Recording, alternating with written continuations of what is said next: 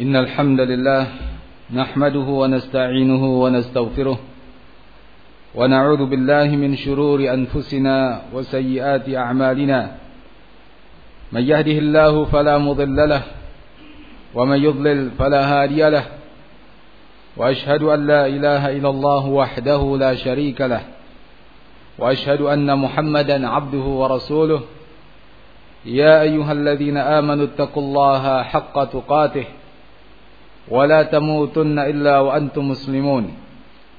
يا أيها الناس اتقوا ربكم الذي خلقكم من نفس واحدة وخلق منها زوجها وبث منهما رجالا كثيرا ونساء واتقوا الله الذي تساءلون به والأرحام. إن الله كان عليكم رقيبا. يا أيها الذين آمنوا اتقوا الله وقولوا قولا سديدا يصلح لكم أعمالكم. ويغفر لكم ذنوبكم ومن يطع الله ورسوله فقد فاز فوزا عظيما. أما بعد جماعة جماعة برحمة الله سبحانه وتعالى رسول الله صلى الله عليه وسلم telah bersabda dalam hadis yang disepakati oleh Al Bukhari dan Muslim dari sahabat Abdullah bin Umar radhiyallahu anhumah Qala qala Rasulullah sallallahu alaihi wasallam adzulmu dzulumatun yaumal qiyamah. Kezaliman adalah kegelapan yang bertumpuk-tumpuk di hari kiamat kelak. Disebutkan dalam hadis yang lebih lengkap Rasulullah SAW mengatakan ittaqud dzulma fa inna dzulma dzulumatun yaumal qiyamah wattaqus syuhha fa inna syuhha ahlaka man kana qablakum hamalahum ala an safaku dima'ahum wastahallu maharimahum hindarilah perbuatan zalim. Karena perbuatan kezaliman adalah kegelapan yang bertumpuk-tumpuk di hari kiamat. Wattaqu syuhha dan hindarilah sikap kikir atau pelit. Fa inna syuhha ahlaka man kana qablakum. Sesungguhnya kikir atau pelit telah membuat binasa umat sebelum kalian. Membuat mereka menghalalkan untuk menumpahkan darah sesama mereka dan membuat mereka menghalalkan kehormatan-kehormatan di antara mereka. Ikhwani rahimakumullah. Hadis ini merupakan hadis yang sangat penting bagi kehidupan kita selaku seorang muslim yang ingin taat kepada Allah Azza wa Jal, yang ingin selamat di dunia dan di akhirat. Terdapat dalam hadis ini peringatan keras terhadap sikap kezaliman yang artinya juga ada anjuran yang sangat ditekankan untuk bersikap lawannya yaitu keadilan. Syariat Islam adalah syariat yang penuh dengan keadilan, memerintahkan umatnya untuk bersikap adil dan melarang dari perbuatan zalim. Allah Azza wa Jal berfirman dalam ayatnya pada surat Al-A'raf ayat 29, "Qul amara rabbi bil qisti." Katakanlah bahwa Rabbku memerintahkan untuk bersikap adil. Dalam ayat yang lain pada surat An-Nahl ayat 90, "Innallaha ya'muru bil 'adl wal ihsan." Sesungguhnya Allah Azza wa Jalla memerintahkan untuk bersikap adil dan bersikap ihsan. Allah Azza wa Jal juga memberikan suatu pahala besar bagi mereka yang menjauhkan dirinya dari perbuatan zalim sebagaimana dalam surat Al-An'am ayat yang ke-82 alladzina amanu wa lam yalbisu imanahum bidzulmin ulaika lahumul amnu wa hum muhtadun orang-orang yang beriman dan tidak mencampuri iman mereka dengan perbuatan zalim maka bagi mereka keamanan dan mereka adalah orang-orang yang mendapat petunjuk. Iman yang diwajibkan oleh Allah Azza wa Jalla atas kita semua baik pokok-pokoknya maupun cabang-cabangnya baik yang tampak maupun yang tersembunyi di dalam dada kita semuanya adalah keadilan-keadilan yang Allah Azza wa Jalla wajibkan atas kita semuanya dan lawan daripada iman baik yang terpancar di dalam kehidupan sehari-hari, perbuatan lahiriah maupun yang terpendam dalam diri seseorang adalah perbuatan kezaliman. Kalau begitu, keadilan yang paling besar adalah tauhidullah, mengisahkan Allah Azza wa Jal, mengikhlaskan agama dan ketaatan hanya kepada Allah Azza wa Jal. Dan kalau begitu, kezaliman yang terbesar adalah syirik kepada Allah Azza wa Jal. Menyekutukan Allah Azza wa Jal. Menduakan niatnya dalam ibadah. Dan inilah yang dikatakan oleh Allah Azza wa Jal. Inna syirka la azim. Ketika menceritakan ucapan Luqman kepada putranya. Inna syirka la azim. Sesungguhnya kesyirikan adalah kezaliman yang besar. Lalu apa yang disebut dengan keadilan dan apa pula yang disebut dengan kezaliman. Ulama kita rahimahumullah mengatakan bahwa al-adl wad'u syai' fi mawdhi'ihi. Keadilan adalah meletakkan sesuatu pada tempatnya, melaksanakan kewajiban-kewajiban dan kezaliman adalah lawannya, yaitu meletakkan sesuatu bukan pada tempatnya atau tidak melakukan kewajiban-kewajiban. Ikhwan fiddin rahimakumullah. Sehingga kita selaku hamba-hamba Allah mesti mengetahui sebagaimana tauhid adalah keadilan yang paling besar. Maka hendaknya kita mengetahui hak-hak Allah Azza wa Jal. Mengenal hak-hak Allah Azza wa Jal. Kita tunaikan hak Allah. Kewajiban kita terhadap Allah Azza wa Jal. Dan hendaknya kita tidak melakukan sebaliknya.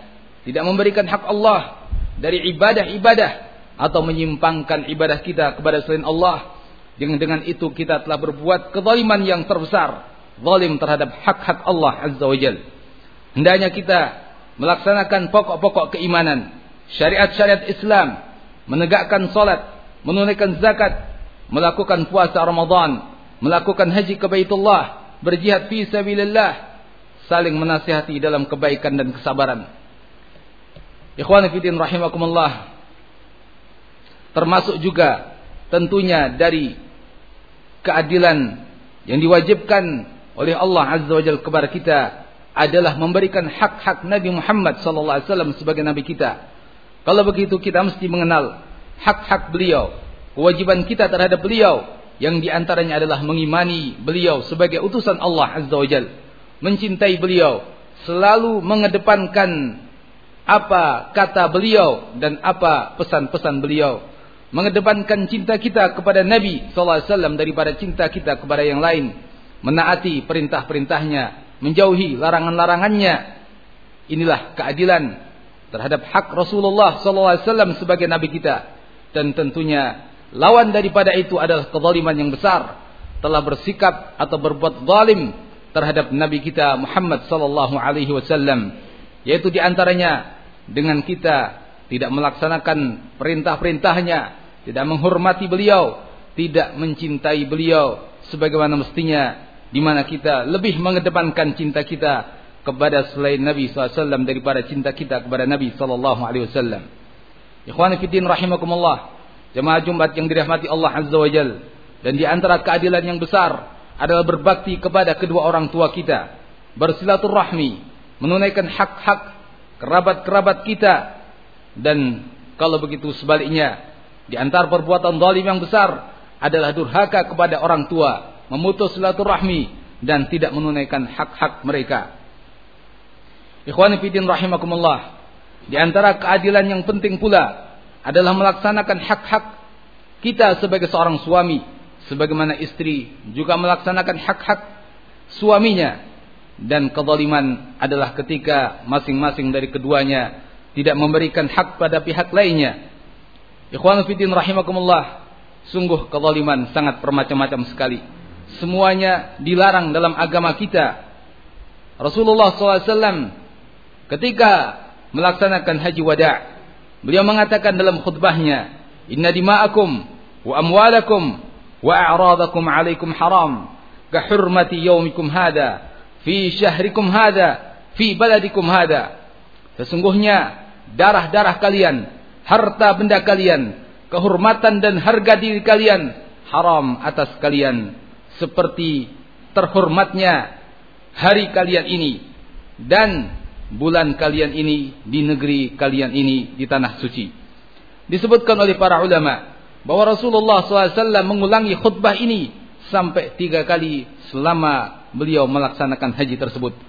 Beliau menyampaikan khutbah ini ketika di Arafah. Lalu beliau menyampaikan khutbah ini ketika hari Nahar di Mina dan beliau menyampaikan kembali pada hari kedua dari hari-hari tasyrik. Menunjukkan bahwa pentingnya bab ini sungguh Islam sangat menjaga kehormatan kaum muslimin, menjaga darah mereka dan menjaga harta mereka. Ikhwan fillah rahimakumullah dan Allah Azza wa Jalla telah mengatakan sebagaimana dalam hadis hadis qudsi ya ibadi inni haramtu dzulma ala nafsi faj'altuhu bainakum muharraman fala tadhalamu. Wahai hamba-hambaku sesungguhnya aku telah mengharamkan kezaliman atas diriku. Waja'altuhu bainakum muharraman dan aku menjadikan hal itu sesuatu yang diharamkan di antara kalian. Fala tadhalamu maka janganlah kalian saling menzalimi. Ikhwani fiddin rahimakumullah. Hadis Nabi SAW tersebut menunjukkan bahwa kezaliman akan berakibat suatu hukuman kelak di akhirat. Mereka akan diberi hukuman-hukuman bahkan mungkin ketika mereka di dunia. Kalaupun Allah Azza wa Jal tidak segera memberikan memberikan hukuman kepada mereka, bukan berarti mereka benar dan bukan berarti mereka selamat. Tapi ingatlah justru itu adalah saat yang sangat mengerikan ketika Allah Azza wa Jal memberikan tenggang waktu sehingga kezaliman itu semakin menumpuk maka saat Allah Azza wa Jal menghukum dia tidak akan lepas dari hukuman Allah Azza wa Jal. Rasulullah SAW bersabda dalam hadis Inna Allah la yumli al-zalim hatta idza akhadahu lam yuflithu. Sesungguhnya Allah Azza wa Jal memberikan tenggang waktu.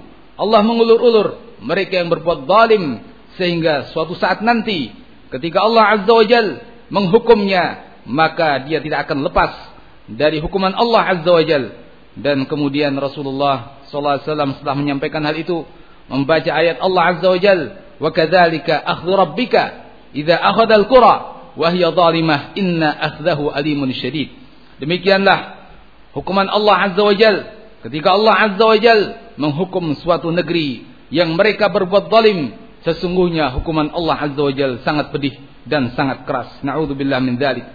Ikhwani fiddin rahimakumullah. Tentunya ini semuanya mestinya menjadikan seorang muslim betul-betul takut kepada Allah Azza wa Jal. Betul-betul takut kepada hukuman Allah Azza wa Jal. Sebagaimana ancaman tersebut ditambah lagi kalau seandainya orang yang terzalimi dia berdoa kepada Allah Azza wa Jal untuk memberikan balasan atas tindakan kezaliman itu maka doanya orang yang terzalimi adalah doa yang terkabul. Rasulullah SAW bersabda dalam hadis sebagaimana beliau katakan kepada Muad radhiyallahu an, "Wattaqi da'watal mazlum fa innahu laisa bainaha wa bainallahi hijab." Dan hati-hatilah kamu dari doanya orang yang terzalimi. Sesungguhnya tiada penghalang antara doa itu dengan terkabulnya atau dikabulkannya oleh Allah Azza wa Jalla. Ikhwan fiddin rahimakumullah. Semoga Allah Azza wa Jal senantiasa melindungi kita dari perbuatan zalim. Barakallahu li wa lakum fil Qur'anil azim. Wa nafa'ani wa iyyakum lima fihi minal ayati wa dzikril hakim. Aqulu ma tasma'un wa astaghfirullah li wa lakum.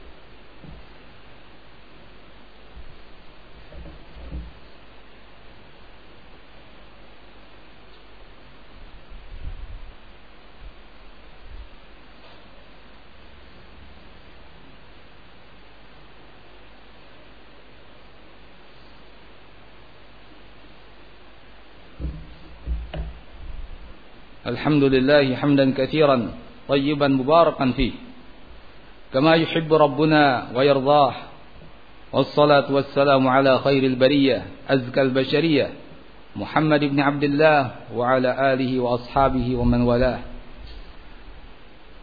Jamaah Jumat yang dirahmati Allah Azza wa Jal Dari apa yang disebutkan Menunjukkan kepada kita bahwa perbuatan kezaliman merupakan perbuatan yang sangat menakutkan karena ancamannya begitu besar. Allah Azza wa Jal tidak akan membiarkan begitu saja perbuatan-perbuatan kezaliman berlalu tanpa ada konsekuensi daripadanya. Oleh karenanya Rasulullah SAW pernah mengatakan dalam hadisnya, "Man kana 'indahu madlamatun li akhihi falyatahallalhu qabla an ya'tiya yaumil qiyamati la dinar wala dirham." Siapa yang punya perbuatan kezaliman hendaknya segera minta dihalalkan sebelum ia datang di hari kiamat kelak yang di sana tiada dinar dan dirham. Di hari kiamat seseorang akan diminta untuk bertanggung jawab atas perbuatan-perbuatan kezalimannya. Namun di sana ia tidak bisa membayar perbuatan-perbuatan kezalimannya tersebut dengan harta benda karena saat itu seseorang datang kepada Allah Azza wa Jal tanpa membawa apa-apa. Yang dia bawa hanyalah amalan-amalannya. Bahkan seseorang yang membawa amalan pun ia belum aman, ia masih terancam pula karena mungkin dengan amalan-amalan besar dipakai untuk membayar kezaliman-kezalimannya tersebut sehingga amal kebaikannya semakin berkurang dan terus semakin berkurang saat ia terus membayar kezaliman-kezalimannya bahkan bisa jadi ia kehabisan pahala kebaikannya sehingga ia mesti menerima dosa-dosa orang yang dia zalimi sebagai ganti karena dia tidak dapat membayarnya dengan pahala-pahala. Itulah yang disabdakan Rasulullah alaihi salatu wassalam dalam hadisnya, "Atadruna manil muflis?" Apakah kalian tahu siapakah yang disebut al-muflis? Orang yang bangkrut. Para sahabat ketika itu menjawab, "Al-muflisu min ummati man la dinar wala dirham." Al-muflisu fina man la dinar wala dirham. Ya Rasulullah, orang yang bangkrut menurut kami adalah orang yang tidak punya dinar, tidak punya dirham, tidak punya uang, tidak punya harta benda. Tapi kata Rasul sallallahu alaihi wasallam, "Al-muflisu min ummati man ya'ti yaumil qiyamah bi salatin wa zakatin wa siyam." Sesungguhnya orang yang bangkrut dari umatku, bangkrut yang sebenarnya adalah yang datang di hari kiamat kelak dengan membawa pahala puasanya, dengan membawa pahala salatnya, dengan membawa pahala zakatnya. Wa yati wa qad syatama hadha wa kadzafa hadha wa daraba hadha. Tapi dia pun datang di hari kiamat dalam kondisi di dunia telah memukul fulan, telah mencaci maki fulan, telah menuduh fulan dan melakukan kezaliman-kezaliman yang lain. Maka ia mesti bertanggung jawab atas perbuatan kezaliman itu. Fayu'ti hadza min hasanatih. Maka dia pun mesti memberikan kepada orang yang dia zalimi dari kebaikan-kebaikan. Dengan kebaikan yang dia miliki dia ganti dengan kebaikan itu dengan pahala puasanya dengan pahala zakatnya atau pahala salatnya terus dia berikan dan dia berikan sampai ketika pahalanya habis maka diberikanlah kepadanya sayiat keburukan atau dosa orang-orang yang dizalimi. Itulah orang yang bangkrut di umatku kata Rasulullah SAW sehingga dia dilemparkan ke dalam api neraka. Na'udzubillah min dzalik. Ikhwan fillah rahimakumullah. Ini adalah salah satu bentuk kezaliman. Kezaliman terhadap hamba-hamba Allah Azza wa Jal yang tidak akan dibiarkan lewat begitu saja.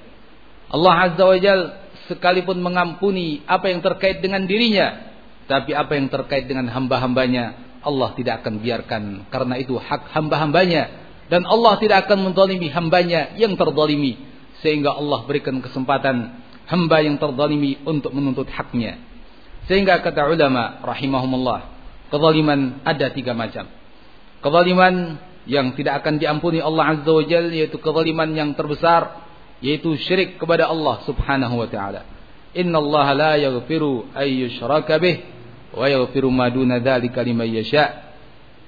Allah tidak akan mengampuni ketika Allah Azza wa Jal dipersekutukan dengannya.